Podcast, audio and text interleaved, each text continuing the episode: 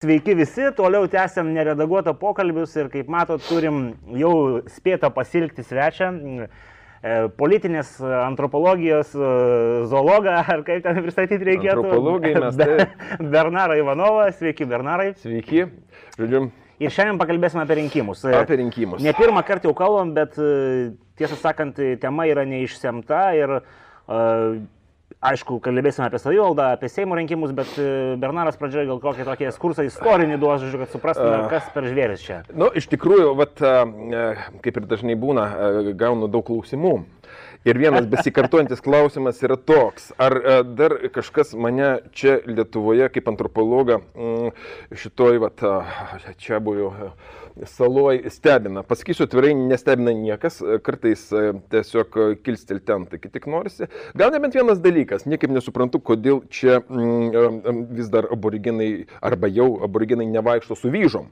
Nes pagal visą tą mentalitetą, mąstymą ir mm, santykiai su valdžia, su uh, patriarchų taryba mm, nu, turėtų kaip minimum būti vyžos ir, žinoma, maišai peristi virve. Nu, bet kažkaip turbūt bent nuo kažko reikia pradėti ir aboriginai užsidėjo kėdus, kai kas lyperius ir tokiu būdu, aš sakyčiau, gan sėkmingai kai ką apgauna, vaizduodami hipsterius. Nu kągi. Bet dar gal čia, tasme, įžeidu yra vadinti tautiečius aborigenais arba atvirkščiai. O, į antropologiją aborigenas tai nėra joks įžeidus žodis. Absoliučiai. Tai tiesiog yra čia buvio gyventojo ekvivalentas ir jokių būdų nereiktų niekam dėl to įsižeisti. Tiesiog yra tokia savoka ir jį ganėtinai plačiai mokslinė literatūrai taikoma. Paskutinis vat, šapito šitoj mūsų šaunioj saloj, kuris praeitą savaitę vyko, iš tiesų, aš sakyčiau, pakilėjo cirką iki naujo ligmens, aš sakyčiau, tai klaunai troliai. Jie mums pasako apie tai, kad absoliučiai tai, kas įvyko šitiems mūsų šauniems vietos čia buvėms, yra geriausia. Tai yra, jie patys yra geriausia, nepaisant to, kad juos kaip ir pomidorus užmėtyti nori, tačiau kadangi pomidorai baigėsi, e, vargšai vietiniai jie neturi e, nieko, e, kas galėtų šiuo atveju pasitarnauti. Na bet čia jau, kaip sakyt, prigyvenom patys kalti ir dėl to nereikia labai turbūt mums visiems pykti. Dar vienas labai smagus dalykas irgi iki flashbacko, tai mūsų šaunios politinės dinastijos. Tiesą pasakius, šitoj mūsų šaunioj saloj kažkas vyksta ypatingo. Būna politinių dinastijų, jau Kennedžiai, kaip žinia, arba kokie tenais niekingi tie Clintonai, ar na, pasaulio samokslo teorijos centre esantis Kvanono nekenčiamieji. Nu, bet tiek politinių dinastijų kaip pas mus šitam krašte niekur aš nemačiau. Pamenu, buvo istorija su Lietuvos geležinkeliais, kai paskirtas vadas diagnozavo, na, nu, taip, akivaizdžiai tiesa, kad ten dirbo 60 procentų giminaičių. Tik kad man tik kilo klausimas, ar ten jie visi buvo tarpusai giminaičių, nu, ten ta prasme tėvas, vaikai, ar vis dėlto ten kelios šeimos. Nu, bet kokiu atveju mūsų parlamentarizme yra mm, kelios šeimos ir tokius gana gausios šeimos. Bet Bernarai, bet aš suprantu, mes irgi labai mėgstu tą satyrą, bet nu, iš 141, kiek tų šeimų mes turim? Nu, reiktų pasižiūrėti dydžiai. Ir aš manau, va čia kaip tik mm, gynėjau genealogams, nepainiosiu su gynekologais, būtų ką paveikti. Vat, sakau, tarp disciplinės studijos šiuo atveju labai pasitarnautų, nes genealoginiai medžiai būna labai kreivi, labai tokie pasišakoja, nes nežinia, o meilužius, meilužės, prisiplakelius, liokajus ir šiaip šunys, kaip tu buldogus tos gali ten įkelt, ar kažkokiai kategorijai atskirojus reikia minėti ar ne. Nes jeigu, pavyzdžiui, dėlioti šitaip, nu aš manau, tie medžiai labai persipinę ir labai gausus. Tiesiog pirštais nerodysim, čia toli gražu ne vien tik tai e, sūnus ir anūkai, bet kartais man susidaro įspūdis, einant prie, prie flashbacko ir prie rinkimų, kad pas mus e, e, Seimo mandatas, Seimo nario mandatas greitai bus paveldimas. Tiesiog, na, nu, kai gerai senais feudalizmo laikais, kaip privilegija. Um, ir kai kurie Seimo nariai irgi neminės, vienas iš jų labai garsus teisininkas sakė, kad taip ir turėtų būti. Nes, kaip sakė Ruso, apskritai bukagalvių aborigenų masė savo viešo intereso nesuvokia. Jį gali suvokti tik tai tie, kurie nu, aptarnauja kargo kultą. Tai yra jau pastatyti ant aukštesnio truputėlį laiptelio, nu, kaip tai nu, to, tos genties vadovybė. Taip pat Aš net nebejoju, kad tas dinastiškumas mūsų politikos nemažai dalimi yra susijęs su rinkimų ta visa tai vadinama tvarka, kuri nusistovėjo per 30 metų. Ir nebejotinai, kad vis tik priežastis yra ir priežastis ir pasiekmė. Čia neišvengiamai niekur nedingsi. Taigi, vat, grįžtant ir jau darant tą flashbacką į laikus, kai vienas šaunus vaikinas man atrodo, 93 metais, aiškinamas proporcinės sistemos privalumus, sakė, mm, kad mm, nepraeis ir 10 metų, kai Lietuvoje partijos suklestės, kai jūs pamatysit, kaip gerai proporcinė rinkimų sistema tiesiog bus nurojus žemiai, politikai bus įsiklausantis, mylintis rinkėją. O partijos... Neišduosit, kas čia toks taip sakė? Uh, nu, aš pasakysiu taip, tas vaikinas, šaunuolis akademikas, bet paskui pasižymėjo uh, girtoklystę, to, kad žmona daužė, nu, paskui uh, dar pasižymėjo atgailą. Nu, kągis, kas žino biografijas, atpažins, bet tiek to neminėsim, jo kažkada buvo bendradarbis. Va, ir pasitaisė, pasitaisė, jis pasitaisė. Vat, gerbiu labai žmonės, kurie tiesiog pasitaiso, pripažįsta, daužydami kulnų į krūtinę, mėja kulpą. Jo, nu, buvo prieš 300 30 metų, o juk žmogus, kaip ten paklaustas vienas, ne, va, antikos filosofas, juk vakar priešingai sakėjai negu šiandien, na, o vakar buvo kitas aš, o šiandien mano aš yra jau dar kitoks, ar ne, todėl aš neatsakau už tą aš, kuris buvo tada. Todėl ten buvo kitas aš, kitas jis ir kitas, ir galbūt visai žmogus, ne, jis galbūt pasikeitė ir padarė išvadas. Taip, ir va, iš tikrųjų, va, noriu paklausti, tai kur po galais, po 30 metų tos klestinčios masinės partijos? Kur ta partinė nu, sistema nu, ir tas rojus žemė? Jo Mažvydas, Mažvydas, Mažvydas Jastramskis uh, sakė, kad nu, mes negalim lygiuotis į Britus, nes lietuviam partijos ideologijos ir programos yra ši, žodžiu, svetimi dalykai.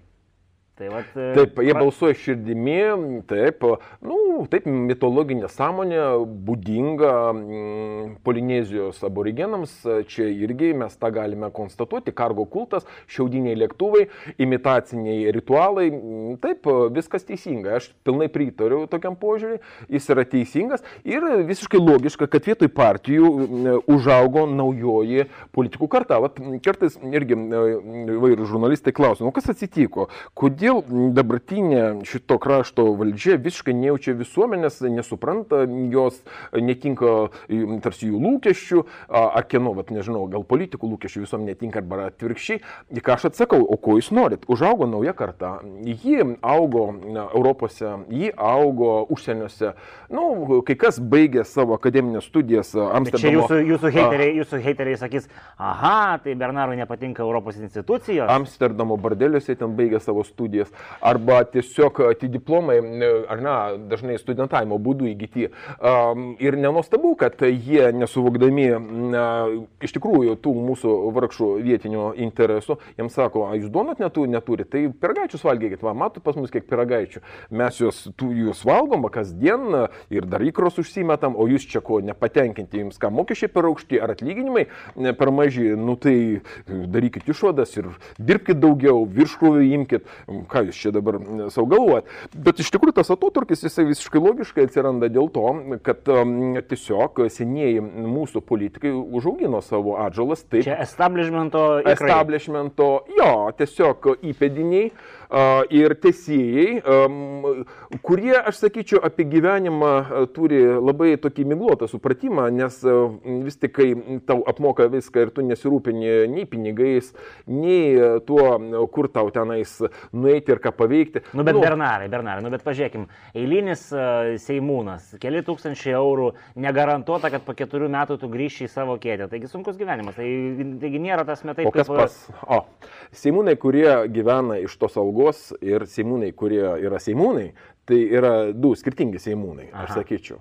Nepamirškime to paprasto fakto, kurį konstatavo ir konstatuoja praktiškai visi Lietuvos prezidentai iš aukštos Seimo šitos va, visuomenės, ne, valdžios e, tribūnos, sakydami, sisteminė korupcija, oligarchija, toliau sakydami nepotizmas, vaja vaja, sėdintis salėje. Mm, taip. Taip, taip, nepotizmas, sisteminė korupcija. Bet reiktų pasigilinti, ką reiškia sisteminė korupcija. Sisteminė korupcija tai, ką konstatuoja mūsų prašai visi nuodamkus iki grybauskaitės. Čia ir nežinau, ar nausėda apie tai kalbėjo, gal jau tiesiog pavargo, bet apie oligarkiją tikrai kalbėjo. Va, kas tai yra? O tai reiškia, kad visa sistema, politinė sistema, politinės sistemos stuburas, kaip ji funkcionuoja, na, su institucijom tam vadinamom, su įeiga ryšiai Tai yra tiesiog um, korupcinė sistema, e, kuri generuoja ką? Generuoja uh, Vilniaus uh, stadioną. Na, nu, bet žiūrėk, dabar noriu vėl, vėl pakritikuoti. Pas, uh mhm. -huh. Teko man vat, girdėti po vieno Facebook'o influencerio, sakim taip, žodžiu, postų tokį jauno žmogaus pareiškimą. Ir ten buvo kalba apie Albiną Janušką ir sakė, va, puikus statesmenas, žodžiu, kodėl mes juos e, engiam. Tai va, aš ką noriu pasakyti, kad e, iš politikos į statesmenus ir atgal, gal čia normalus dalykas, gal ir, gal ir kitur. E, normalus dalykas. Yra absoliučiai normalus dalykas, čia yra viskas normalus dalykas. Ir aš pasakysiu, rinkimai iš jūsų yra nesvarbus dalykas, pats, pats rinkimų momentas. Paaiškinsiu, kodėl. Kodėl rinkimai, pavyzdžiui, na, yra nesvarbus. Jie svarbus yra vat, sovietmečių. Rinkimai sovietmečių yra super svarbi šventė, tai ritualas. Tai yra atnašavimas. Bet ir ritualas um, dabar yra. Vat. Ir, va, va, apie tai ir pasakysim taip pat. Um, Tai yra labai svarbi tokia pradžiai, aš sakyčiau, konstatacija. Sovietmečių anspaudas į pasą minus premiją, jeigu tu to anspaudo negauni per rinkimus. Tu privalai liūdyti savo lojalumą valdžiai, ateiti paimti tų bandelių ir tą apelsiną e, supūvusi, kuris ten buvo padėtas. Aš tą labai gerai prisimenu, nes su savo čia buvęs tėvais aplankydavau sovietinius rinkimus ir matydavau, kaip tai vykdavo. Dar tai senai. Tai gaudavo ir apelsinų? Absoliučiai taip, būdavo deficitinių kažkokių prekių padėta ir tai buvo privaloma nueiti ir tai privaloma buvo padaryti. Tai buvo ritualas. Dabargi mūsų šaunus įvairūs ir influenceriai, ir apžvalgininkai o, žodžiu, nu, vietiniai, taip, ne antropologai, jie sako, vaje, vaje, iki ko vakarai dasivažiavo. Na, pat pažiūrėkime. Rinkimai kokioj Italijoje, rinkimai kokioj Prancūzijoje, rinkimai kokioj kitoje Europos šalyje. Ir ten atėjo vargani 24 procentai rinkėjų. Nu, bet čia matyti apie tiesiog, Euro, Europos parlamentą kalba. A, ne, Europos parlamentą. Nu, ir, ir viet, parlamentinėse nu, galbūt jau 24 nelabai. Kartais ir daugiau, nu, bet mažiau negu pusę. Mm, ir tas, tas kritikavimas jis dažnai būna, sak, vat, jie ten taip ganinai pasyviai vat, nedalyvauja. Jo, jo, Europos parlamento rinkimai tai, tai kaip taisyklė ten. Bet ten dar yra kelios priežastis. Tai vat, aš sakau, tai yra absoliučiai nesvarbu, kiek ateina. Absoliučiai net kas iš to, kad sovietų laikais ar kokioj tenais Šiaurės Korejai ar kokioj Kinijai, Liaudės Respublikoje ateina vos ne šimtų procentų. Tai ką, tai demokratijos rodiklis? Jokių būdų ne. Svarbu ne tai, kiek ateina, o svarbu tai, kaip tarp kadencijų tas mūsų rinkėjas, tas paprastas žmogienas, tas aborigenas sugeba dirbti su savo tuo atstovu. Pas mus yra šitom krašte, kaip ir dera, mm, labai gajus vienas mitas. Aš jį vadinu geros valdžios mitą. Mitu. Ne? Koks nors kretinas su mikrofonu labai dažnai mes matome įvairiose laidose, prieina prie žmogelio ir sako, nu kaip, jūs išsirinkot gerą valdžią. A? Sako, ne, neišsirinkai už geras valdžias, tai vėl tokie pat bus še kaip ir anksčiau. Na, nu ir reiktų pas save į tą tavo kamorkę, a, iš tų savo varganų kelių dešimčių pensinių pinigų, va, makrončiukus valgyti. Mm, va, ir va, būtent tos mitologinės sąmonės, kaip sakyčiau, viena ir apraiškų yra tas mitas, geros valdžios mitas, kad galima išsirinkti gerą valdžią. O aš sakau, mėly mano aboriginai, jūs geros valdžios neįsirinksit niekada. Ji tiesiog neegzistuoja. Ji neegzistuoja nei Prancūzijoje, nei Amerikoje, nei Lietuvoje, nei dar kur nors. Bet skirtumas yra kitur. Skirtumas tame, ar tas mūsų paprastas eilinis valstietis baudžiauninkas aboriginas, ar sugeba priversti tą išrinktą tą dirbantį Seime ar parlamente, kokiam uh, senate uh, dirbti um, uh, savo, ar ne? Suprantat, tai reikalas tas, kad rinkimai yra m, tik vienas iš tokių... Prisisakėm šitą, kad... Aš, rinkimai yra tik vienas iš epizodų. Mhm. Uh, jis svarbus, bet tik vienas iš. Um, kai yra tik rinkimai, mūsų kolegos politologai, antropologai vadina minimaliai demokratiją. Kai žmonės tik prabalsuoja ir kaip tie turskiai grįžę namo laukia sekančių rinkimų, o koks nors politinis klaunas jiems į kaninų šaukia, nepatinka valdžia, po keturių metų kitą išsirinksi, idiotė, ir išsirinksi vėl tą patį. Nesvarbu, ar tai bus pavardė Jonaitis, Petraitis, Kvedaraitis ar Onutė Petrionytė. Na, jokio skirtumo. Kostiumas bus tas pats, apiplyšęs, apdryskęs to sovietinio satrapo kostiumas, kurį dėvė mūsų valdžia, šita vat, valdžia, šita krašto iki šiol. Jie nieko kito nerado. Po to, kai griuvo sovietinė sistema, juk iš kur jie paims tradiciją? Rinkimų tradiciją, demokratijos tradiciją, komunikacijos su visuomenė tradiciją. Mes pasmerkti taip šiandien. Mes esam pasmerkti vaikščioti tuo ratu labai ilgai, kaip Mozė vedžiojo po dykumą savo tautą, taip ir mes esam pasmerkti vaikščioti po tą dykumą ir tikrai nežinia, kiek dar tų dešimčių metų vaikščiosim. Nes iš viso, ko sprendžiant tuo terminu ten, kuris buvo Biblijoje, neapsiribosim. Ir dėja, tai yra liūdna kokia konstatacija. Ji akivaizdi praėjus 30 metų po nepriklausomybės ir mes matome, jog situacija negerėja. Atvirkščiai, stebima degradacija ir tos rinkiminės sistemos, kuri buvo įvesta, vykdoma negatyvi atranka. Apie ką aš sakiau, svarbu ne tai, koks tas žmogus, ar protingas, ar geras, ar jo pasitikima. Um, svarbu, kad jis giminaitis, svarbu, kad jis savas, aš jį pažįstu, nuo mažumės auklėjau ir jis bus geriausias ministras, geriausias Seimo narys ir mano įpėdinis, galbūt vat, feudalo mąstymas apie tolimesnę šeimos gerovę. Taip kad čia prasme pati visuomenė ji nemaža dalimi kalta, nesuvokdama vieno esminio momento. Reikia vienytis, reikia asociuotis ir reikia dirbti tarp rinkimų su valdžia, verčiant ją, žodžiu, būti tuo tavo vilkšuniu, dresiruotų vilkšunių, kuris reikia, esant reikalui tave apgins, o esant reikalui tau padės ir išves tave. Kaip... Bet tai čia esmė, vėl mes jau ateinam iki vos ne iki esminio klausimo labai greituoju būdu. Tai kokie yra mechanizmai, kuriuos galima implementuoti, tai, tarkim, iš vakarų, mechanizmus mes dabar kažkur. Ne, kiekvienu atveju tai yra unikalūs mechanizmai, bet, kokiu, e, bet kokį mechanizmą tu permės, jį turi adaptuoti ir pritaikyti. Pas mus, nuo pat pradžio, kas prasidėjo, pas mus buvo padaryta labai blogai ir labai klaidingai, priešingai negu bet kokia tradicija kitų demokratinių šalių, kaip mes paimkime, na, tą pačią Britaniją, Ameriką. Tai buvo įvesta proporcinė sistema savivaldoje išmetant bet kokius visuomeninius judėjimus, paskui bus konstitucinio teismo sprendimas, dėl to va, šitie mūsų šaunus vietiniai čia buvai turi tokį institutą kaip konstitucinis teismas ir jisai kartais net sprendžia kažkokius klausimus, taip, taip pasidžiaugim, jis egzistuoja. Ir, Bet jis egzistuoja ir kitose valstybėse. Kaip, taip, kaip orakulas, taip, kaip toks, pas kurį gali ateiti ir kažko paklausti. Netgi maloningai dabar leidžiama net eiliniam, eiliniam žodžiu, aborigenui kreiptis ir paprašyti, o tai aš kaip vietinis aborigenas irgi galėčiau va, nu, nueiti ir paklausti, o čia nepažeidžia mano konstitucinių teisų, o va šitą nu, nepažeidžia. Nu, žodžiu, svarstys kažkiek N metų, bet kada nors Areopagas senolių taryba, supras, konstitucinis teismas priims kokį vienokį ar kitokį sprendimą, kaip beje ir dėl rinkimų. Taip, Bernarai, tai dabar dėl tų rinkimų. Jūs esat vienintelis, matyt, iš kokių ten kelių žmonių,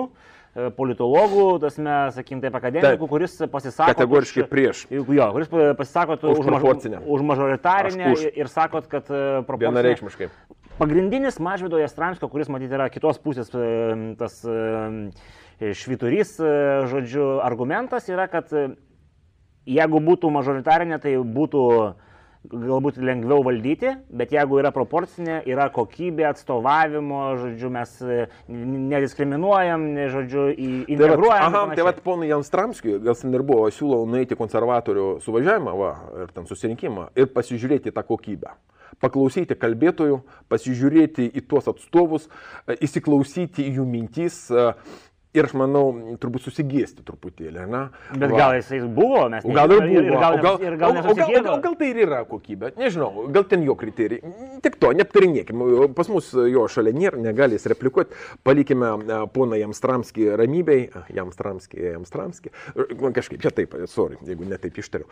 Bet kokiu atveju, tai, prie ko mes dagyvenom ir gyvenimas toks, prie kurio mes prieėm, nemažai dalimi ir yra nulemtas tos proporcinės sistemos. Aš tik priminsiu, pradžioje, kai... Kad buvo... mes turim pagal jį blogybių blogybę, tai ne tai, kad mes turim proporcinę, bet mes turim mišrę. Jisai sako, kad mišri tai yra jau didysis blogis, tada būtų galima imti, žodžiu, Aha. proporcinę, o tada jau mažoritarinę. Žodžiu, pragaro ja, katilą reikia kurti stipriau.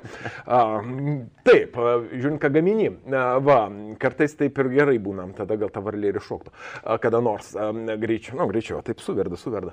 Va, daugiau ugnies, daugiau ugnies, daug, daugiau pragaro, na, daugiau to šetono, ja, reikia politikai mūsų. Jo, kartais tai padeda praregėti. Vat, net kai kurie sako, kad ispanus pažadino kažkiek tas jų pragaras užkurtas frankistų. Nu, bet kągi, vis dėlto mes turime savo, taip sakant, parapiją ir savo tą politinį kaimą su jo atitinkamu baudžiaviniu mentalitetu ir žinoma su ta prastumta absoliučiai nekompetentinga skirtingos visuomenės na, akivaizdoje va, tą proporcinę sistemą, visų pirma į savivaldą. Va, apie savivaldą reikia pasakyti, iš tikrųjų mes buvo pradžioje visiškas absurdas, trys metai. Kadencija, proporcinė, tik partijos partijų nėra. Tuo metu partijų nėra, bet užtat ką mes turėjom? Mes užtat turėjom tada Šustauską, mes turėjom tada Enriką Daktarą, turėjom sąrašę, ne? Ir turėjome... Kurios politinės partijos? O, Geras klausimas. Koks skirtumas? Ten pavadinimas buvo kažkoks, ar ne? Laisvė, nu, ten kažkas su laisvė buvo. Mhm.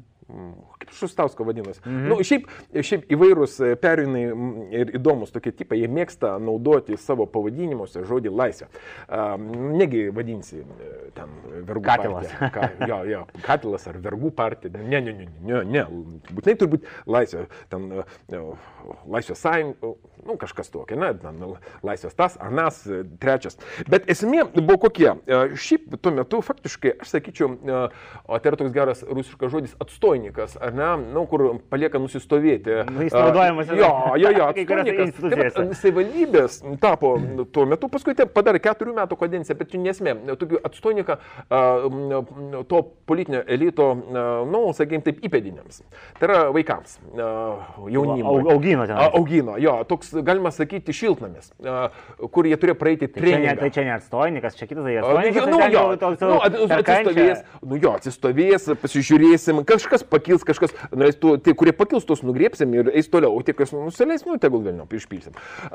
Žodžiu, nemažai tokių nusistovėjo ir jie paskui tęsė karjerą, nes buvo metų cenzas uždėtas. Į savivaldybių tarybas galima buvo praeiti jaunesnio, man atrodo, amžiaus žmonėms. Nu, jau, viskas dabar jaunėja, tai toj problema. Jo, viskas jaunėja, sako, jau, jau yra idėja, kad gal net nuo 16 reiktų leisti Seimą eiti. Nugi suprantat, jau pronukiai paaugo, taip kad kaip jis be šito. Ar ne, nu, neugi paliksiu juos kažkur, kažkokiu ten gimnazijui rūdyti, taip rūkyti, norite panašiai. Ne, ne, ne, reikia arčiau, reikia ir Aišku, aš suprantu, kodėl tokia baisi neapykanta Karbauskui, kai sako, reikia sumažinti Seimo narių skaičių. Aš tam nepritariu. Seimo narių skaičių atvirkščiai reiktų išplėsti. Reiktų, reiktų didesnį sortimentą, reikia mm, daugiau, žodžiu, aktorių ant scenos.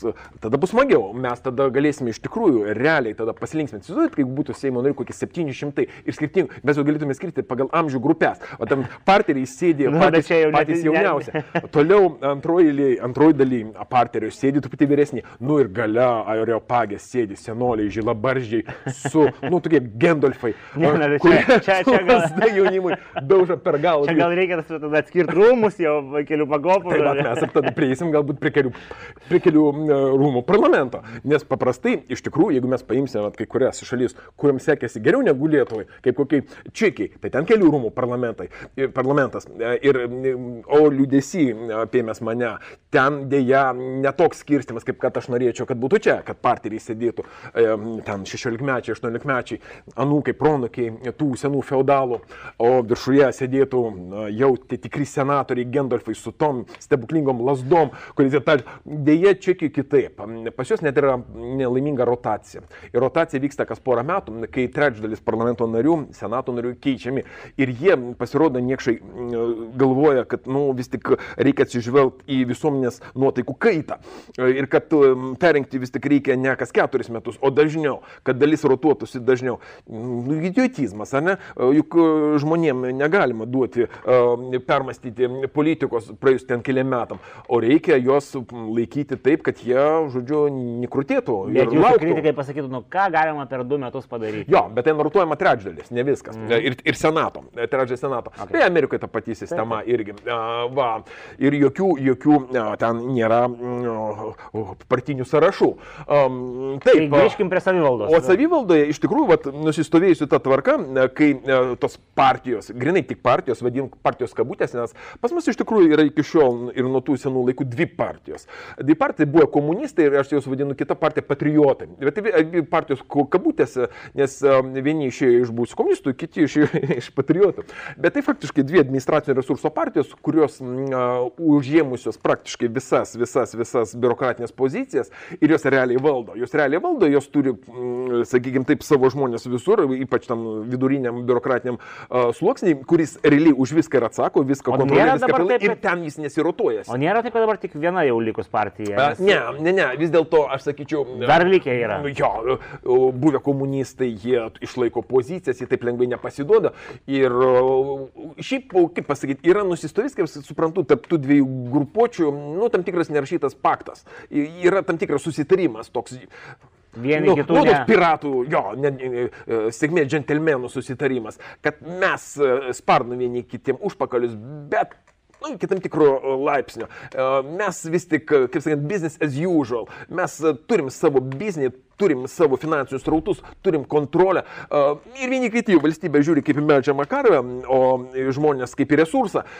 Suprantama, nes jų gyvenimai, dažniausiai jų šeimų gyvenimai yra Ispanijoje, yra Britanijoje, Anglijoje, Londone, Maldyvose, Turkijoje. Bet nu, mes čia... apie jų gyvenimus skaitom kartais. Nu, bet mes skaitom tik tai apie vienetus. Apie vienetus. Nu, Ar todėl, tikrai tie kiti yra tenais? Nu, a, todėl, kad galiausiai a, medinė ta mūsų visa aplinka irgi negali nebūti dalimi sistemos, ar ne? Ir tu gauni tą informaciją dozėmis tiek, kiek tu turi jos gauti, kad nebūtų per daug. Bet internete, kaip žinia, išranda, tai tas, tai anas, tai ten kažkas įvyko, tai na ten kažkas įvyko. Ir tu, oba, ir šitaip gali būti. Pasirodo, gali. A, tu norėjai šitaip, bus tau šitaip. Bet, Na, bet dabar mes turim ir komitetus jau kurį laiką. Komitet, nu, komitetus. Tai turim komitetus, o komitetai iš tikrųjų jie irgi ne ką ten per daug geresni, jeigu tai paėmus. Ir jie neseniai atsirado.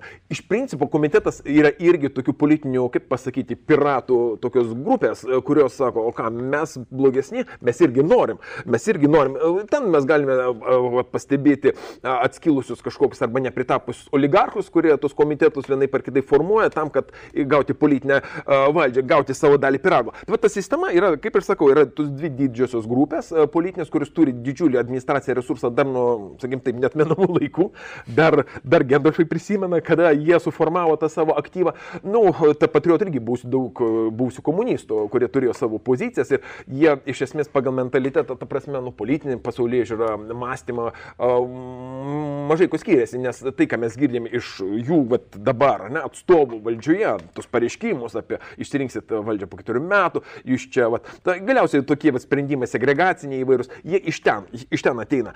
Jokiam normaliam politikui vakaruose, išdresiruotam ten Italijai, Prancūzijai, netgi su jų kažkokiais sprendimais, kurie irgi sulaukia reakcijos, ne, bet taip toli jie neužeina, taip toli jie ne, ne, netikrina vis savo visuomenės kantrybės, nes jie žino, buvo 68 metai. Taip kad tas 68 metų testinis istorinis atminimas, jis funkcionuoja gyvas. Vis dar gyvas. Ir ta prasme, nu, jeigu reikia, ten yra profsąjungos ir jos gali, pavyzdžiui, Romą išvesti milijoną žmonių esant poreikiu. Todėl jie stengiasi tų sisteminių visuomeninių grupių, kurios ten yra, o kurių pas mus nėra, neerzinti. Pas mus nėra tiesiog jokių visuomeninių grupių ir atstovų. Nu, kaip nėra, čia viena visai neseniai Kaunės organizavo įtį. Čia yra, ne, čia irgi lygiai tokie patys marginalai, kaip ir tie, kurie kita, kitas akcijas organizuoja arba kokį bagužygį. Čia lygiai ta pati istorija. Sisteminių didelės visuomenės grupės vienijančių struktūrų Lietuvoje nėra. Buvo bandyta formuoti tokias struktūras, turiu minį profsąjungas, bet jiems valdžia pastoviai mesdavo kažkokį kaulą, kurie pagrėbė tenais, uh, grauždavo, nu kaip ten kokį pastatą, ten kokie rūmai, kokia ten paplūdimio vila. Ir jie ten elite savo reikalus įspręsdavo ir m, tokiu būdu sėdėdavo tyliai, tyliai, ramiai, kaip tik atvirkščiai gesindavo bet kokius profsąjungiečių tenais bandymus kelti bangas, ar ne? Mhm. Nu, jie, tam tikrą prasme jie atliko tą pačią funkciją kaip savo laikų mafija Amerikoje, nu, dar Franklino Roosevelto laikais, kai tiesiog pabūgęs didis etatizmo genijus profsąjungų įniršio tiesiog sudarė paktą su mafija, kuri infiltravo savo žmonės į profsąjungus ir tiesiog jas išsprogdino iš vidus. Tai Amerikoje profsąjungų iki šiol nėra, o jeigu mes žiūrime įvairius filmus apie Amerikos profsąjungos, ten, man atrodo, Irishmanas, dar, ten ta istorija, nu, ten praktiškai pokarį nu, profsąjungos tapo kažkaip, mafijos klubais. Jie kažkaip ir be profsąjungų. Taip, sugeba... turi, taip, va, absoliučiai teisingai. Jie rado asociacijų formas be profsąjungų, kaip išspręstas problemas ir jie daugiau ir mažiau. Tai gal mums reikia to keliu eiti? Va, nieko nepadarysim. Tiesiog vanduo teka ten, kur jis gali tekėti. Ir vienai per kitaip tas vanduo vis dėlto užsistovės. Taip, jisai pradvokęs pas mus tas visuominis vanduo pelkė. Bebrai tenais užtankų pristatė. Bebro įvaizdis šiaip nebereikalo atsiradęs. Jų nematai, bet užtankos yra, ar ne? Va, ir tos užtankos gana aukštos. Įveikti jas nelengva, nes jie atsuko kraną. Atsuko kraną, kuria prasme? Atsuko kraną emigracijai. Ir tie, kas buvo labai nepatenkinti viskuo, tai praktiškai milijonas žmonių, beveik galima taip pasakyti, nu, apie milijoną žmonių, jie tiesiog išvažiavo. Tiesiog išvažiavo į savo airijas, į savo ir jiem padainavo dainelės, ten kur tu ten esi, na, kokiam tenais, va, žodžiu, mieste. Taip, nu, vat, vat dainelė, vat folkloras, nu, teisingai, aišku, folkloras turi būti, o kaipgis. Vat, mitas, folkloras, viskas apie šitą kraštą gerai, ne, papasakoja mums. Taip, kad čia prasme, va, ta sistema jį susiformavo būtent dėka nemaždalimi tų rinkimų sistemos, nes tai buvo reikalinga va, tom grupėm, kurios labai greit suvokėm, kad e, valdžios paleisti negalima kad negalima leisti kažkam, uh, žodžiu, čia iš tavęs atimti tą duonos kasnį, nesgi tu juk iškovoji viską. Bet tai čia kokios, tavo kūryba. Kokios asociacijos formos piliečiams Lietuvoje galėtų būti prieinamos, žiūrint į kitų valstybių? Pačios įvairiausios. Nu, tai, paminėkim keletą. Uh, tai yra galiausiai visokie visuomeniai judėjimai, organizacijos pagal interesus, nesvarbu nuo šunų mylėtojų iki teisininkų asociacijų. Uh, Tokius atrodo turim, teisininkai ką tik tai taip, pasakė savo nuomonę, tai buvo nuplakti. A, taip, jie pasakė savo nuomonę, bet jų mažai mažai, jų mažai. Tai akivaizdžiai absoliučiai nepakankama. Tai nepaka, nėra kritinės masės. Turi susiformuoti kritinę masę tų organizacijų, to visuomenį įsitraukimą. Nu, žiūrėkit, važiuoja studentas koks nors pagal Erasmus, Erasmus programą į kokią tenais um, Ispaniją ar kitą šalį ir jam tiesiog šokas, matant, kad kiekvienas iš jo ten vietinių tų, ne, kolegų, kokiuose šešiose organizacijose veikia. Ir jie iš tikrųjų nuo mažumės auklėjami taip. Jie įsitraukia į visuomeninius reikalus nuo tiesiog kūdikystės, matydami savo tėvų pavyzdį, matydami aplinkui žmonių žmonių pavyzdžius, ne, ko pas mus nėra absoliučiai. Pas mus geresnė situacija buvo tarpukarėje, kai universitete veikia dešimtis tautinių principų susiformavusių visuomeninių organizacijų judėjimų, o negalvant bendrai pagal profesijas ir taip toliau. Tuo metu atrodytų buvo smetonos diktatūra, tironija, ar ne? Ir ten žmonės jie asocijavus ir jie e, tą visuomeninį gaivalą kažkaip vis dėlto palaikė. Pas mus dabar po to sovietinio režimo žlugimo iš tiesų homo sovietikus nemirė. Homo sovietikus gyvas ir labai stiprus. Ir homo sovietikus ta pasaulyje žiūra valdžia visom pastangom savo ir visais, visais įmanomais būdais. Galim detalizuoti, detalizuoti, kas tai yra, kad žmonės suprastų. Tai reiškia, kad tu vat, atei į rinkimus, pabalsavai ir čiuškis čia. Vat matai, vat partijos yra, na, vat sąrašas yra, balsuosi ir čiuškis čia. Skustis nedrįsk. Ir iš viso vat, atstovus reikia panaikinti, tos Seimo narius, kurie turi atstovybę. Na, iš viso, reformų siūlymas. Na, iš vis panaikinti bet kokius biurus, kad nebūtų jokio ryšio, jokio grįžtamojo feedback, nieko, kad nebūtų jokio grįžtamojo ryšio. Kad žmogus sėdėtų savo kartelį ant to slaktos ir nekvaksėtų. O jeigu kvaksės, kaip sakė, tas arba policinė valstybė, arba mafijinė, nors iš tikrųjų mafijinė valstybė yra policinė, arba policinė valstybė yra mafijinė, tai yra dalykai neatsimė, tai yra tiesiog, nu, tai fašizmo esmė, tai yra fašistinio režimo esmė, kai policinė valstybė yra ta, vat, mafinė valstybė, nes viskas saugo korporacija, korpora, nu, korporacijos. Bet mes kažką panašaus, nu, tokius vat, recidyvus ir turim žmogų atstumti nuo bet kokių uh, procesų, atomizuoti, kad jis nesocijuotų. O jeigu vyksta kažkokie visuomeniai gaivalai, diskredituoti juos, uh, infiltruoti ten uh, provokatorius, uh, išsprogdinti iš vidaus, sunaikinti, suskaldyti. Nu, mes dabar labai gerai matom, kai tai vyksta irgi. Minimaliai kažkokie judesiai vyksta vyksta. Reikia juos išvadinti frikais, idiotais, niekšais, ten jie iš vis, ten, nežinau, ten fašistai, komunistai, tautos priešai, ne, kaip jie ten vadina, antivalstybė. Antivalstybė. Jo, jo. Ir čia šitą poziciją nuo netmenamų laikų, nuo tų, vat, 90 kažkėlintų palaikė kas? Valstybininkai. Valstybininkai, ir buvo, ten, tada buvo tokios dvi grupuotės - valstybininkai ir visuomenininkai. Nu, visuomenininkai tai daugiau ant bairio. Visuomenininkai pralašė. Jo, visuomenininkai pralašė, jų ir nebuvo, beveik ten buvo mytas visuomenininkų. Taip pat tų, tų, tų visuomeninių asociacijų nebuvo. Organizacijas naikink, profsąjungos naikink, kaip ir sakau, mes kaulą kokiam vadai, vadam korumpuok, kad jie tiesiog būtų prie to paties lovio, kad jie ten nesugalvotų kelt kažkokių ten bangų. Ir aišku, reikalinga medijų kontrolė, maksimali medijų kontrolė ir kuo geriau, kuo geriau įveikia, tuo, tuo kaip atrodo, ramesnį gyvenimą. Bet, Bet kaip ši... tu privačią mediją gali kontroliuoti? Va, per verslo struktūras drąsiai. Tu tiesiog sujungi politiką ir verslą, o juk mes kalbam apie oligarkiją iš esmės. Nes, nu, bet Lietuvoje juk nėra nepa... didysis ne... verslas tiesiogiai neįsitraukia. Va, va, va, nepamirškime, kaip tas procesas vyko. Mes daug ko nematom. Pavyzdžiui, savivaldybių įmonių. Dabar netaip seniai, nu kaip netaip seniai, senokai, bet mūsų Kauno, senesnis Kauno meras dar, Kupčinskas, labai nustebo sužinojęs, kad pasirodo savivaldybių įmonėse partijos turi savo gana tvirtas pozicijas. Ir tos įmonės, jas remia, jas remia partijas. Va. Čia dar labai seniai ta buvo istorija. Ir ji taip ir baigėsi niekuo. Va. Nepamirškime, kad mūsų stambus kapitalistai verslininkai jų irgi turi savo partijas, savo filialus. Dalis tiesiog yra klientai tų didžiųjų grupių, kiti kuria savo partijas.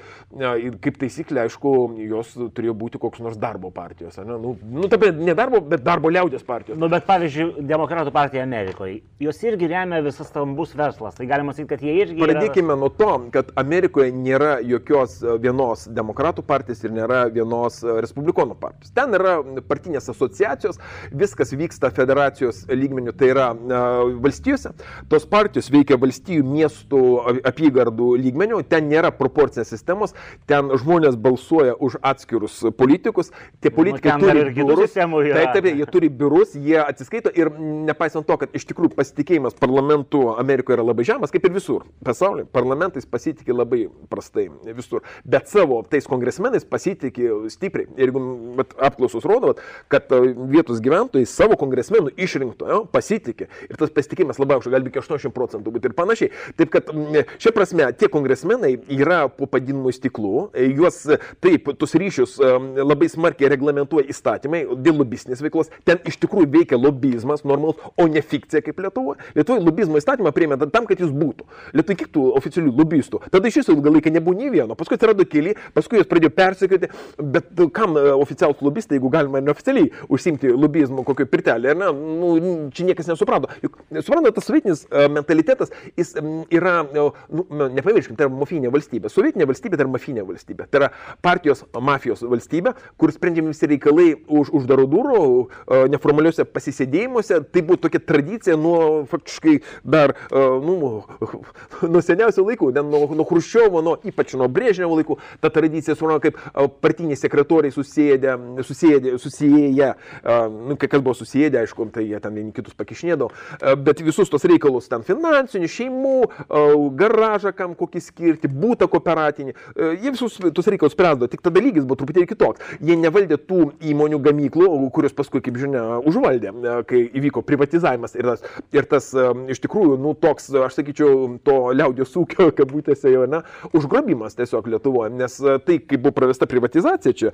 nu, netelpa jokius rėmus. Ir tai buvo irgi dalis istorijos. Kaip, nu, čia atskiriama, tai labai jo, didelis, bet tai yra dalis to proceso, kuris vyko ir rinkimų sistema, ji turėjo minimalizuoti um, nuostolius galimus dėl visuomeninio poveikio, ne, politikai. Uh, vat, ir taip buvo ir sustiguota, kad minimalizuoti poveikį. Kad... Nu, oficialiai, oficialus mitas yra toks, kad uh, Brazauskas siūlė vieną, Landsbergis siūlė kitą, jie susi... susi ir, ir kas juokingiausia, kad jie siūlė priešingai negu dabar, žodžiu, tasme, Nu, tai, kas buvo siūloma tada ir kas e, padaryta dabar, ten mažai kartais turi ryšio, nes ten tie žmonės keičiasi ir jie transformuojasi ir mąstymas jų kitoks ir, aišku, supratimas.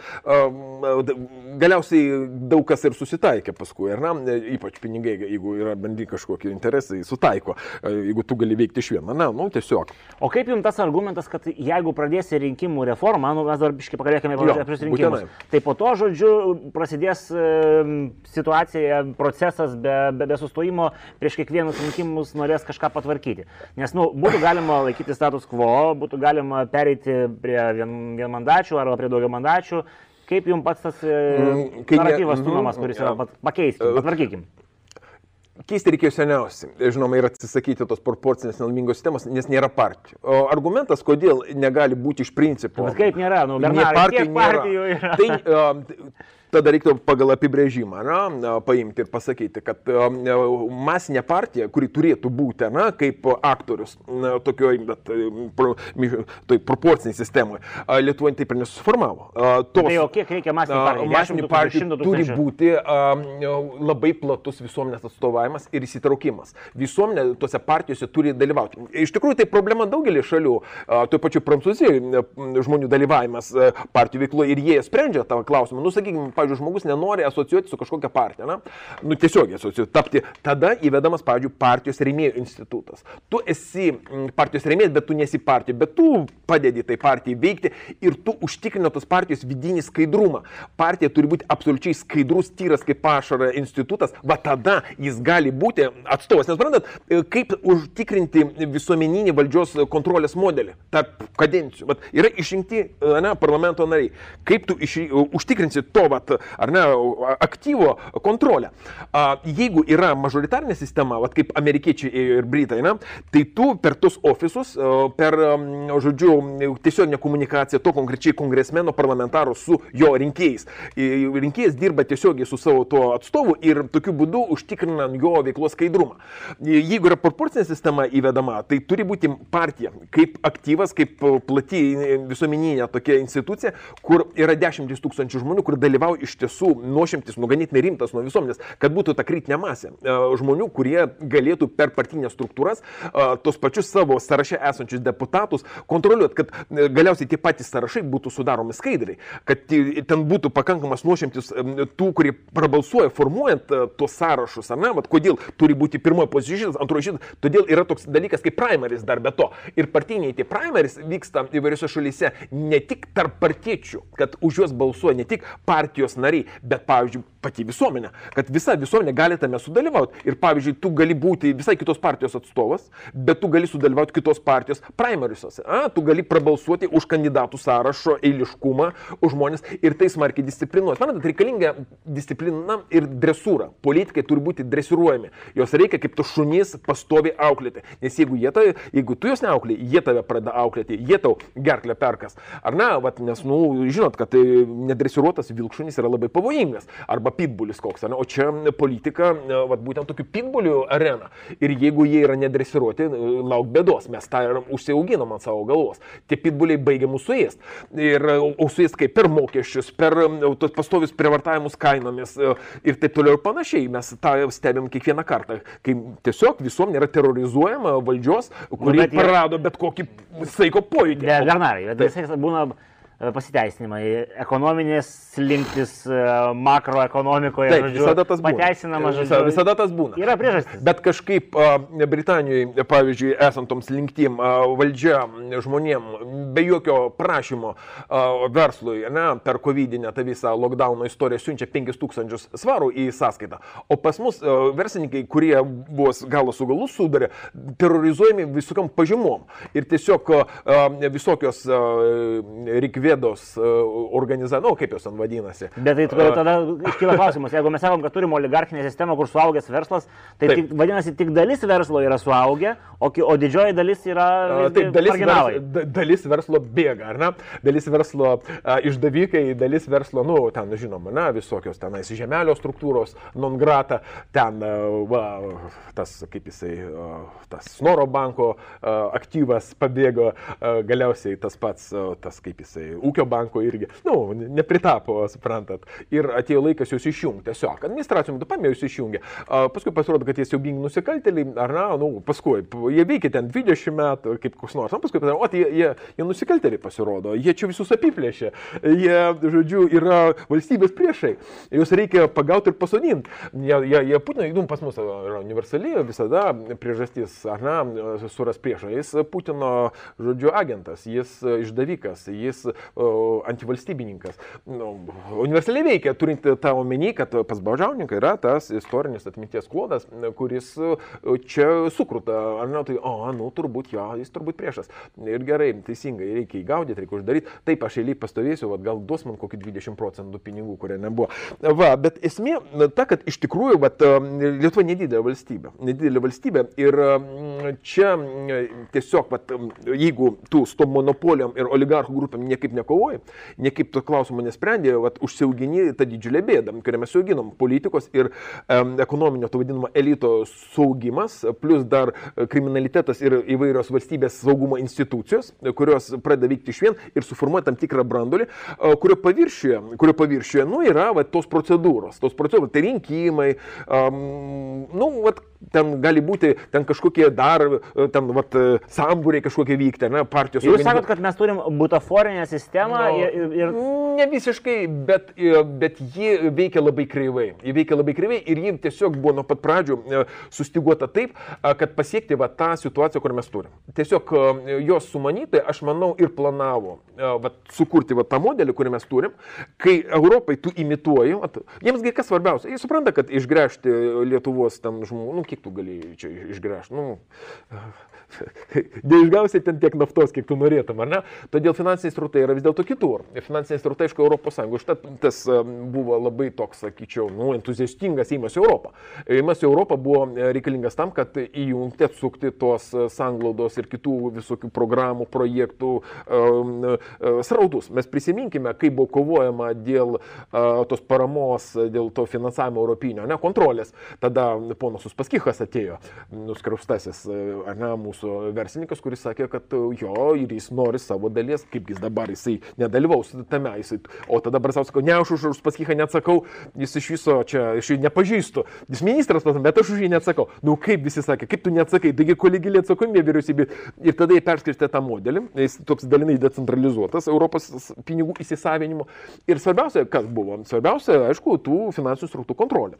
Svarbiausia kontrolė, svarbiausia e, kontrolė priežiūros, kontrolės priežiūros institucijų kad žmonės tam stovėtų tie, kurie reikia, kad būtų patikrinti. Kad, nu, kad taip, tai senas, geras sovietinis senas. Visur turi būti pastatyti, patikrinti žmonės. O kaip patikrinti? Nu, aišku, geriausiai tie, su kuriais tu lovai mėgi, arba kurie kitam kambarį mėga, ar kurie bent, nu, kaip minimum, tavo kaiminystė gyvena. Ar ne? Nu, vat, vat tai, nu, kaip sakyti, tos ryšius tvirtina, mm, išgerta šnapso kiekis. Bet tai, Bernarai, yra, yra kitas klausimas yra du variantai. Yra tokių žmonių, kurie sako, viską čia reikia demontuoti, mes tokias, tokius lozungus esam girdėję ir anksčiau.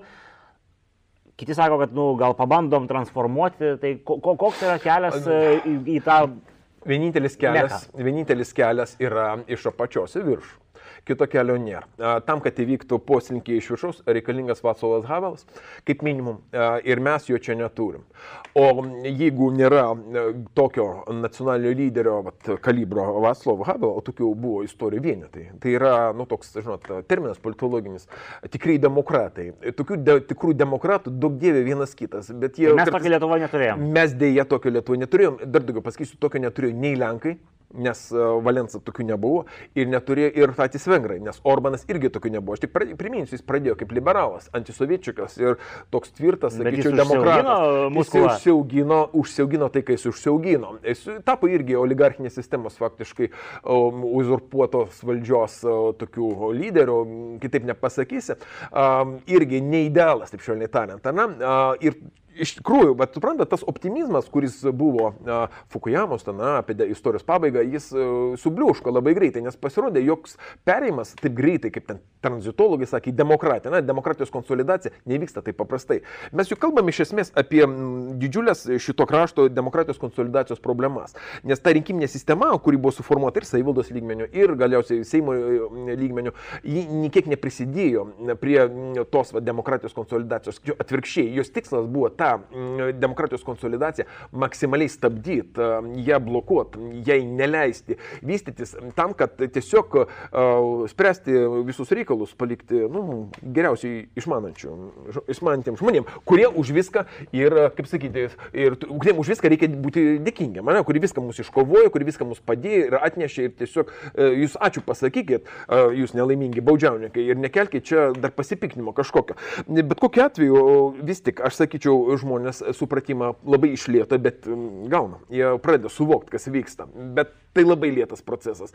Ir jokių revoliucijų, gindėvė, mums nereikia, nes revoliucijos, jos dar labiau nubloškia viską į šalį ir dažnai reikia viską vėl pradėti nuo nulio. Na, bet jūs paminėjot, kad mhm atsiranda slopinimas, bet kokio tai daigo taip, trypimas. Trypimas, tai, mėtymas, trolinimas. Nu, tai, tai, tai kaip užauginti kažkokią naują politinę jėgą? Nes sako, va žiūrėkit, mes jau turim liberalus, mes turim konservatorius, mes turim socialdemokratus, mes visą spektrą turim, ką jūs dabar, kur jūs auksite? Vienaip ar kitaip visuomenės konsolidacija turi vykti. E, turi per organizacijas, per struktūras. Ir jį vyksta. Tai yra, žmonės po truputį asocijuojasi. Nu, pavyzdžiui. E, įvairios organizacijos jos randasi. Nereikia galvoti, kad tai būtinai kažkokie, kažkoks maršas turi būti. Maršistai ir taip toliau. Ne, formu, ta kritinė masė formuojas, pavyzdžiui, nu, nu tokios organizacijos, nu gerai, ten penktą koją, apie šuniukus, apie kažką kitą. Bet tos visos organizacijos asocijuoja žmonės ir sujungia, jie jau nebe po vienu jie nėra atomizuoti, jie jau vienai per kitaip yra jėga. Asociacijos jungiasi į kitas asociacijas, į tris dar asociacijas, tos struktūros tvirtieji ryšiai formuojasi, atsiranda įvairios, sakykime, juos vienijančios dar struktūros, institutai, na, ten, pavyzdžiui, teisininkų komandos prisijungia. Ir jie supranta, va šitie visi žmonės, kad vis tik toje asociacijoje yra tam tikras potencialas, būtent darant įtaką sprendimams. Tada, e, va, kas darosi? Vat akcijos reikalingos įvairios, ne visuomenės akcijos, bet yra toks kažkoks keistas įsitikinimas, kad, vat, pavyzdžiui, tie mitingai, ne, kažkokie gausus labai, jie tipo per juos nuverčiama valdžia. Ne, ne, e, per juos neturi būti verčiama valdžia, neturi būti jokios smurto, prievartos. Kam siunčia e, tos asociacijos ir tie, sakykime, jų organizuojami įvairūs, nu, sakykime, taip, visuomeninė, ne, įvykiai eventai signalą siunčia elitoms. E, elitoms ir verslo elitoms. Tiesiog tos elitos, kurie kontroliuoja finansus, na, jos, jos mato, kad va, tos grupės, su kuriais mes dirbame, na, jos praranda pasitikėjimą, jos yra jau netokios legitimios, kaip, pavyzdžiui, anksčiau. Na, kaip ir dabar tą mes matom. Ir tai verčia juos permastyti situaciją ir galbūt net keisti savo strategiją. Vat šito reikia. Visuomeninis tas gaivalas, kritinė masė gali būti ten ir 15 procentų žmonių, nebūtinai ten turi būti 100 procentų visi asociuoti. O ten 20 procentų. Tas skaičių mokslininkai labai įvairiai traktuoja, kiek ta kritinė masė, kiekvienai visuomeniai skirtingai.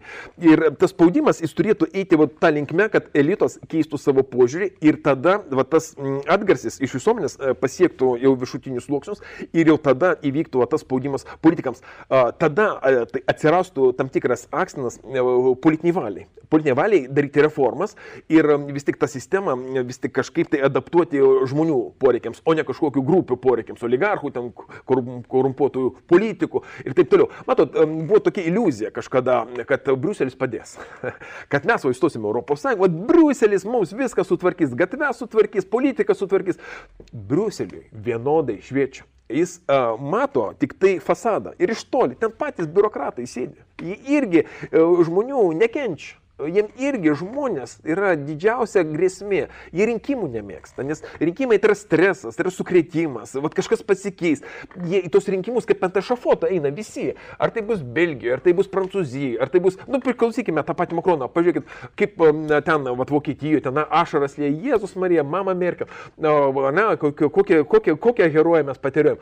O iš tikrųjų, juk, juk jinai heroja, tai yra mitas irgi apie mamą Merkel, nu, kaip ir apie bet kokį politiką užsisakyti sėdėjusi valdžioj. Tai, vat, iš tikrųjų, vat, tas visuomenės spaudimas, jis, jeigu jis vyksta na, pakankamai plačių frontų, jis padeda elitoms persiorientuoti. Ir vat, čia yra tas mechanizmas, kuris gali padaryti tam tikrą įtaką politiniams sprendimams, vis tik darant reformas ne tam, kad apskritai vat, minimalizuoti išlaidas. Ne, kodėl nori, pažiūrėjau, mūsų dabar politikai padaryti tą reformą ne, ir rinkimus paversti absoliučių farsų, absoliučių lochotroną. Kad nebūtų, kad nebūtų jokių vienmandatų. Tai Tai tau reikia organizuoti vienus, vieną rinkiminę kampaniją, ar tau 141, ne? Nu, skirtumas yra. Nu, ne 140, pas mus mažiau, nes pusė. Tai skaityk 71, ne?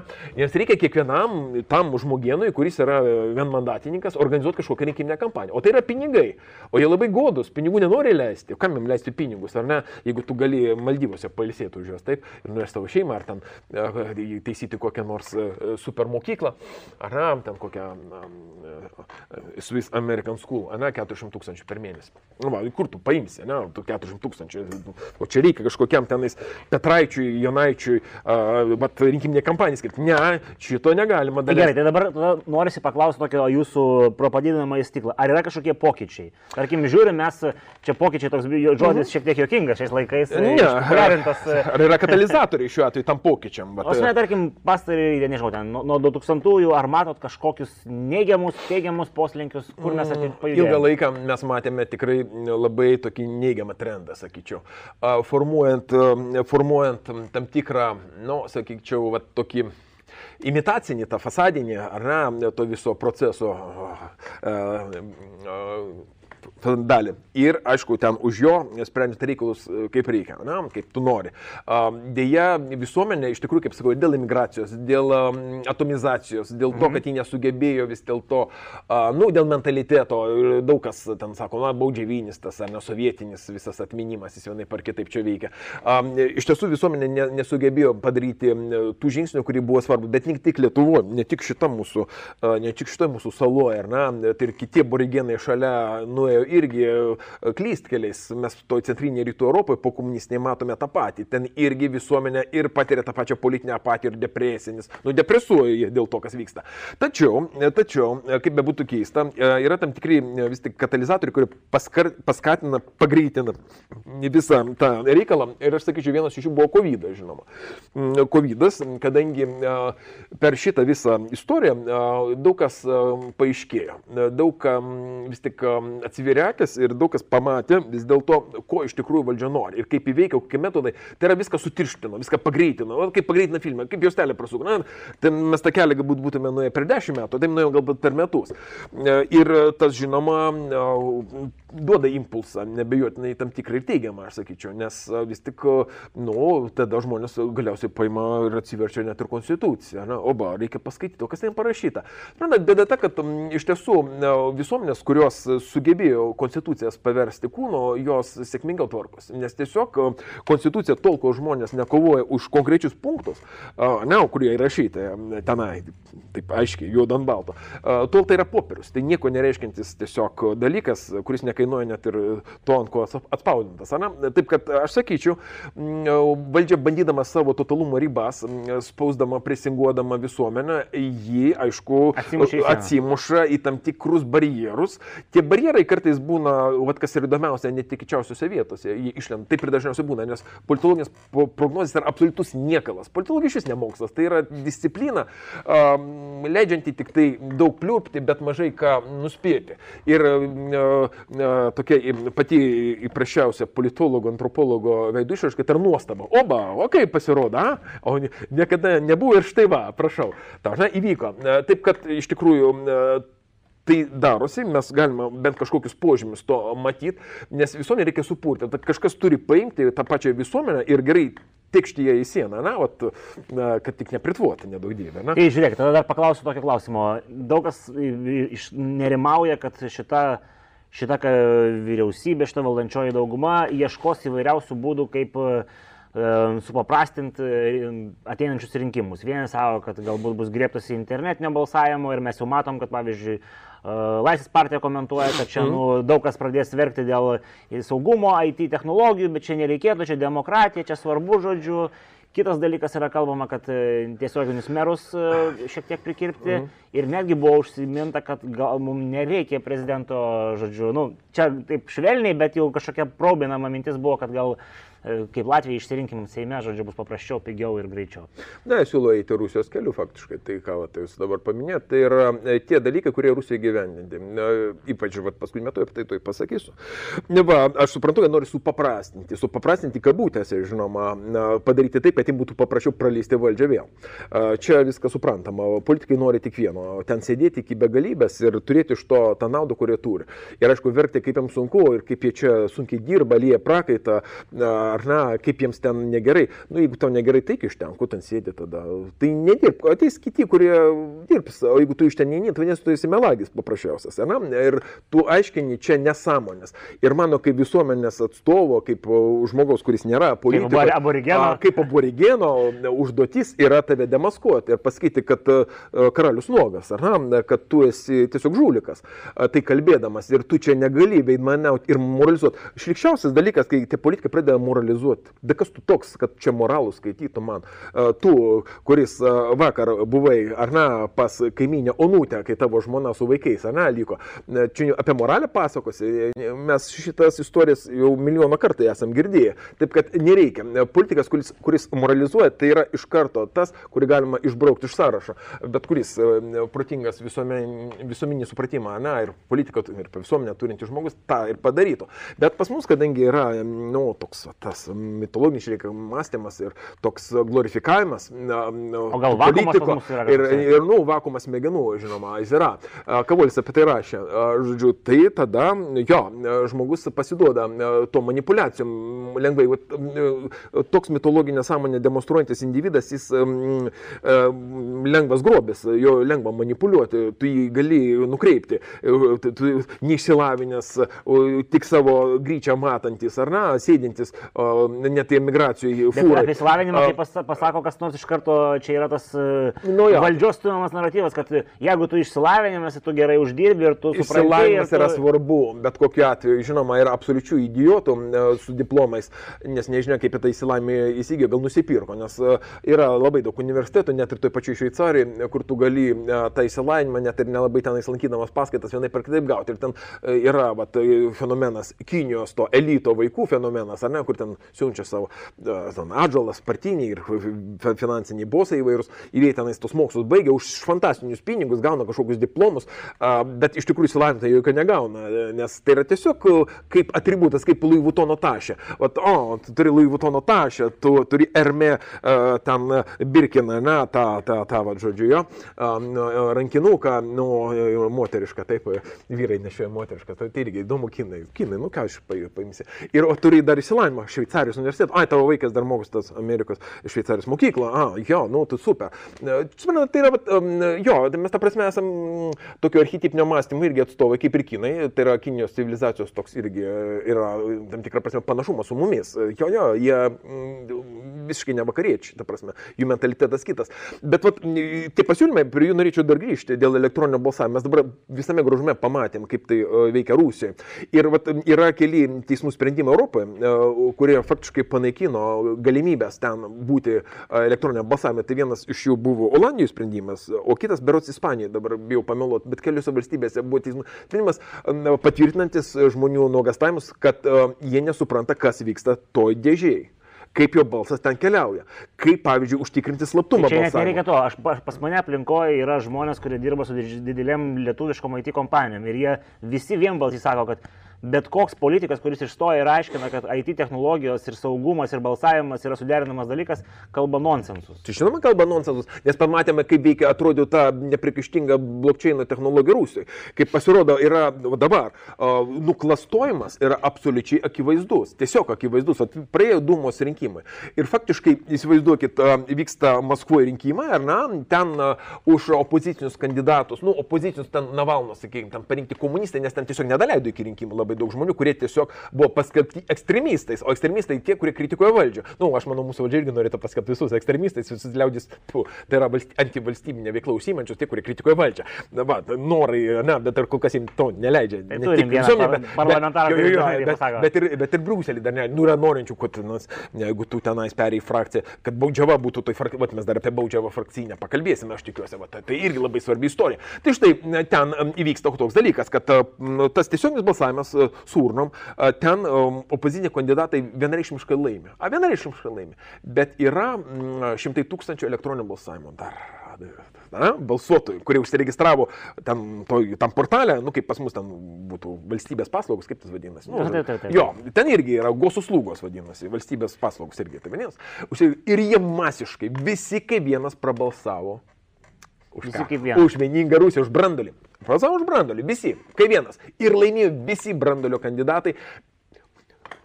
Paskaičiuota 99,5 procento balsų laimi tam, kandidatas nuo opozicijos, nu, ten, ne, kažkoks nu, komunistas, ten, nu, bet pagal Navalno tą schemą.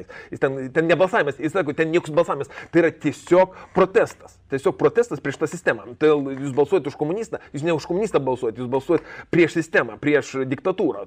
Vat, va, kur yra pats pagrindinis Ir jūs man, pusę procento nepaskaičiuotų balsų elektroninius. Ir tas pusę procento apverčia viską aukštinko.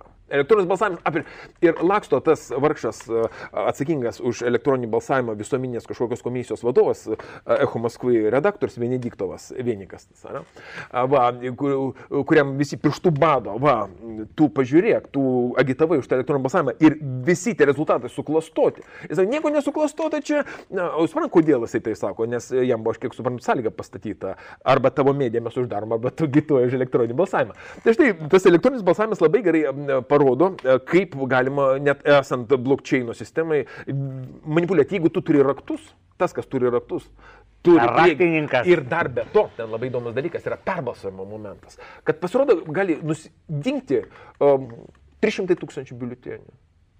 800 tūkstančių biuletenių.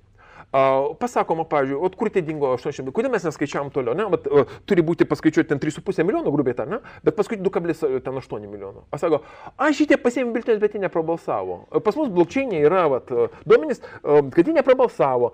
Mm, Kiti 300 tūkstančių, a jie perbalsavo, nes yra perbalsavimas. Tu gali iki tam tikros valandos, kiek nori kartų perbalsuoti. Ir tiek yra tų tarsi biuletenių, kiek tu kartų perbalsavai. Irgi puikiai galimybė manipuliuoti. O kam tas perbalsavimas yra? Tam, kad jeigu, pavyzdžiui, tave pasikvietė darbdavys, Na, pasakė, nu, va, tu dabar prie manęs prabalsuosi prie to kompiuterio, kad aš matyčiau, kad tu prabalsavai už vieningą Rusiją, ne? Bet paskui, tipo, grįžai namo, tu gali vėl užsikrauti, pasimti nakimi, bet tada atsiranda jau du biuleteniai ir ten sukontroliuoti, pavyzdžiui, kaip ten viskas vyksta. Na, tu negali. Toliau stebėti, ten iš vis buvo bairis geras padarytas. A, saugumo tarnybos, kuris buvo atsakingos už protokolą saugumo, paėmė ir anuliavo stebėtams saugumo protokolus 8 e, val. vakaro. Ir baigėsi rinkimai 8 val. vakaro. O raktą, kuris leidžia visiems pasižiūrėti, na, įdeda 9 val. vakaro. Tai yra valanda tiesiog juoda skilė. Ir žinoma, kad vien tas faktas jau turėtų nubraukti tos rinkimus, bet aišku, pas juosgi teismas atitinkamai gerai. Nu, tai, išdė... bet, Va, bet kad... mūsų politikai nepripažįsta tų balsavimų. Jie sako, kad čia tai yra blogai. Teismas, manau, padai... nuspręs, kaip jie nori. Jo, pas mus bus gerai, jo, pas mus blokčiainas vyks e, kaip su bitkoinais. Ne? Viskas bus kaip bitkoinai, čiki.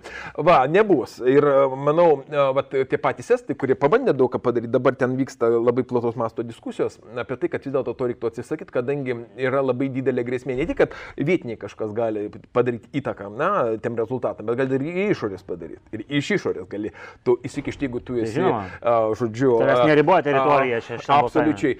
Uh, saugumo ekspertai visi kaip vienas kalba apie labai didelės grėsmės iškylančias čia, nes tikrai niekas nežino, kas to dėžiai vyksta. Uh, ir čia turint omeny, uh, nu, ešalonus visokius, visokias programas, kurios skanuoja telefonus, kuris įlenda į bet kur, į šaldytuvą gali lysti, na, nu, čia... Tai, šaldytuvas turi IP ir taip, internetą, viskas, jis gali už tave balsuoti. Va, taip, kad šia prasme čia viskas aišku ir mes čia, žinoma, turime didelę problemą. A, kitas dalykas dar apie ką irgi reiktų pasakyti, čia aišku svajonė, aš manau, kai kurių sisteminių tokių grupuočių svajonė pasidaryti elektroninį balsavimą ir įvesti proporcinę sistemą. Nes kodėl, dar vienas momentas, a, juk tu tada gali tiesiog de facto atsisakyti laisvo mandato. Tas būtent proporcinės sistemos modelis paverčia tą sąraše esantį, tūnantį na, individą tiesiog partinių bosų vergų. Tai budžiauninkų tiesiog politinių. Uh, tai nu, mesgi matėm, kad vyksta uh, reitingavimas, o po to, kai kas yra pakeliama, kai kas numetama, žodžiu. Vava, vava, taip.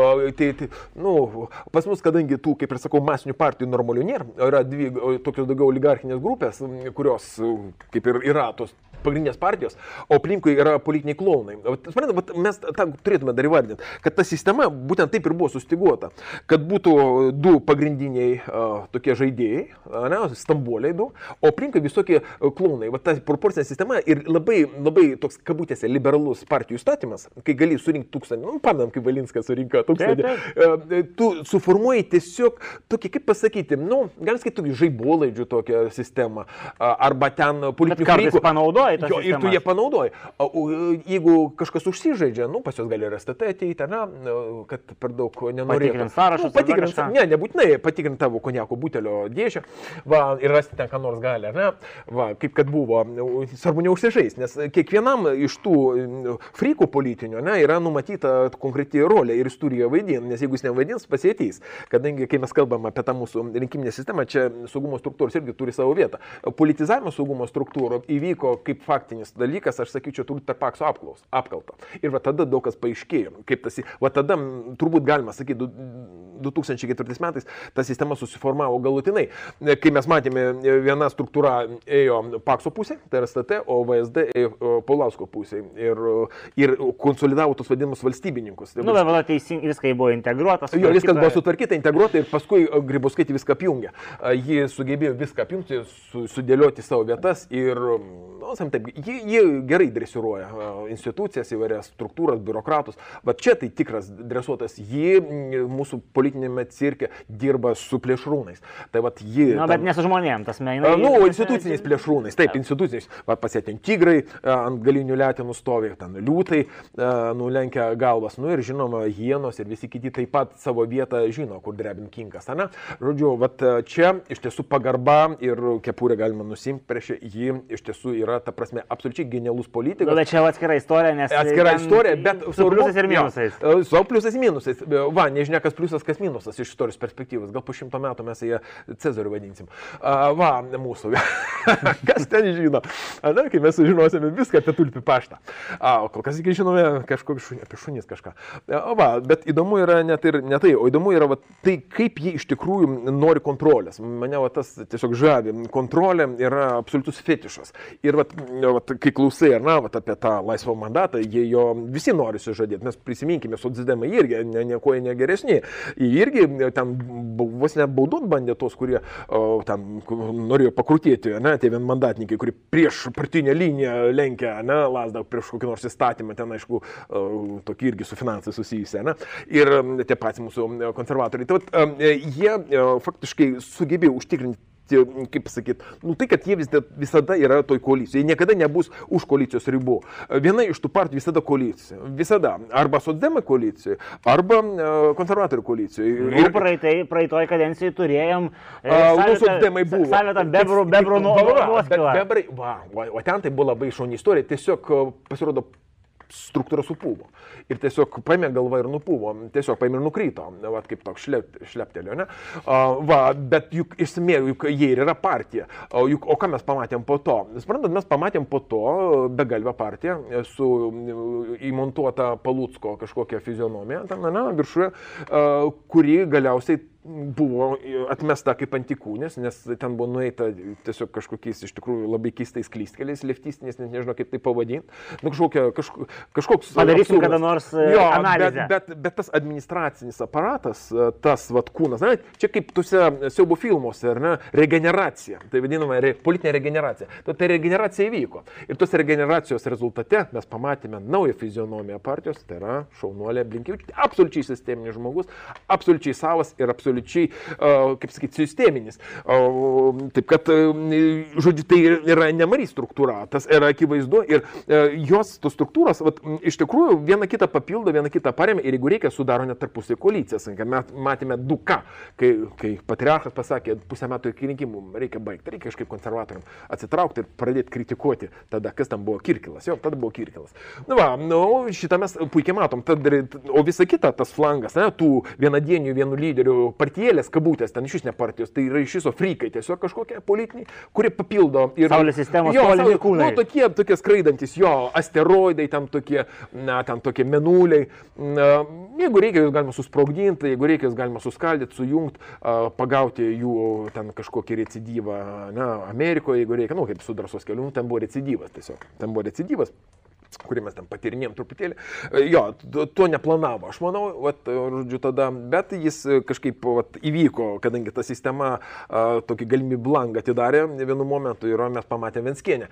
A, ir mes pamatėm jų programą įdomių dalykų, o būtent a, jie įvardėjo vieną iš tokių probleminių aspektų yra prokuratūra. Prokuratūros funkcionavimą toj bendroji sistemoje ir jos įdas, jeigu paskaitysime programą, turbūt ten kas antroji eilutė žodis prokuratūra, kurią reikia reformuoti, nes iš tikrųjų prokuratūra prokuratūra funkcionuoja kaip sovietinis e, Bernarai. reliktas. Ne, į prokuratūrą ne, jo, nelygim. Čia atskira labai va, įdomi tai tema. Jo, jo, jo. Ir vat, dabar kalbant konkrečiai apie tuos politinius baudžiauninkus, tai vat, um, jeigu susiformuoja absoliučiai vat, ta proporcinė sistema, jeigu veikia partijos tos vadinamos taip kaip dabar, tos dvi didžiosios, likusios mums šiuo atveju netaip ir svarbu, ten tie frikai, jie, kaip sakyt, yra periferija, juos ten kaip kaladę kortų tasuoja, kai reikia ištraukia diskreditacijai, ką nors, kai ten, ne, kokius nors ten veikėjus, neminėsim. A, va, tada suformuojamas sąrašas pagal ką? Be jokių primaries realių, kaip jis sakė, ne, ir pirmininką renka iš vieno kandidato. Taip, matėm, matėm. matėm, matėm, jo, jeigu reikia bus. O visa kita, mes suprantam, tai buvo imitacija. Sudėtinga situacija. Pas mus dabar permanentiškai bus sudėtinga situacija, nes Lietuva apskritai virsta COVID sala pasaulyje. Taip, pas mus pas vienintelius Europoje toks sergamumas ir pasirodo čia vat, viskas vyksta. O kad viskas vyktų kaip reikia, reikia ir ten laboratorijos viršininką, ne, pakoreguoti, kad jis, žodžiu, ten nesijaustų per daug su savo tenais, ne, interesais. Va, nu bet čia kita istorija, bet vat, grįžtant prie to partijos, tad suformuoji tų sąrašą, ne, surašai žmonės, nu, padarai castingą, taip, Aišku, visi tie, kurie, kad nebūtų per daug, tai reitingavimai irgi pas mūsų mažino, buvo 10, paskui padarė 5, ne? Nu, nu, bet žmonės, kaip jie pasakė, žmonės yra nu, sunku, aborigen, aborigen, sunku, aborigenai, nelabai raštingi, Taip. nelabai supranta, ne, nemoka. Žodžiu, taip, va, galimybių pasą išsimti pensininkai gali, o suritinguoti negali. Na, nu, žodžiu, taip, ne, va, už 10 eurų išsimė. Uh, irgi kita istorija. Tačiau vat, padaro castingą ir ten, aišku, tik patikrinti geri žmonės. Tai va, vaikai, meilūžiai, uh, dėdės, tetos, juk pavardės gali išskirtis, nebūtinai turi būti ten visi, atsiminti sąrašas, Jonaičiai, Jonaičių partija, arba Petraičiai. Petrauskinė, Petrauskas, Petruskiukas, visi, visi, na, ne, suprantama, nu, arba kelios šeimos, na, ne, toks kelios giminės. Ir šiaip, jo, genealogai gali to paskaičiuoti. Man, man atrodo, mes turime kokį gerą tuziną tų šeimų, gerą tuziną kažkokį. Tai Bernarai. Signatarų. Šitą gerą natą ir baigiam. Pradėjom nuo keletos šeimų. O, va, jo, baigiam keletas šeimų. Jo, čia baigiam. Ir, aišku, suformuotas toks sąrašas, jis, žinoma, absoliučiai lojalus, absoliučiai vieningas ir, ta prasme, atspindi generinės linijos uh, būtent interesą. Nu, demokratinis centralizmas. Kaip ir sakau, to galima baigti. Būtent demokratiniu centralizmu, kurį dar Leninas iškėlė, kovodama su frakciškumu, kad nėra vietos pas bolševikus frakcijoms. Turi būti demokratinis kitko, centralizmas. Labai gerą terminą pas Maždavės Tramskį radau. Institucinė inžinierija, kuri daro poveikį demokratijai. Tai čia mes čia tas, čia, apie tai ir kalbėjome. Taip, čia yra ta institucinė inžinierija faktiškai, kuri leidžia suformuoti sistemą palankę tam tikrai grupė žmonių, imituojant demokratinį procesą. Nes jiems labai svarbu tą procesą imituoti. Tu negali atsisakyti rinkimų. Tu negali visiškai diskredituoti tos pilietinės visuomenės kaip aktorius, ar ne, išmesti jį. Bet tu gali tiesiog sukurti tą Putiomkino kaimą, na, su fasadais, išdėlioti va, tos va, parodomuosius elementus, kuriuos ir Briuseliu reikia matyti, jūs irgi rodyti, reikia demonstruoti. Pažiūrėkit, pas mus gyva, matot, pas mus yra sėjimas. Visi gyvūnai yra. Visi gyvūnai yra, nesvarbu, kad jie nupaišyti, bet jie yra ir kai kurie net reumuoja. Va, bet faktas tas, kad valdote patys, valdote patys ir jie nesikeičia, mes galim tą matyti. Nu, o vaikai, nu, vaikai, aišku, jie ateina jau žinau kartą atitrau, atitraukta nuo realybės, bet, nu, jie irgi yra valdomi, nesgi savi, kai kurie, aišku, protestuoja, tam bando spardytis, bet jos tėvai pastato į vietą ir atrodo, nu, ką, tik tai COVID va, sujaukia truputėlį, bet ir jį galima pabalnuoti kaip tą žirgą.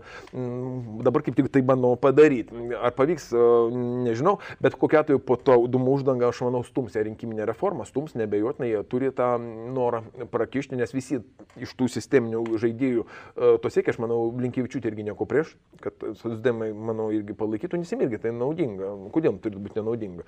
Irgi naudinga, turi, turi, mažiau išlaidų. Tai mažiau išlaidų. Dar kažkada, jeigu neklystu, ten tada bandė auklėti savo frakciją, ar nesysas, nežinau, bijau pameluoti, nu kažkuris iš tų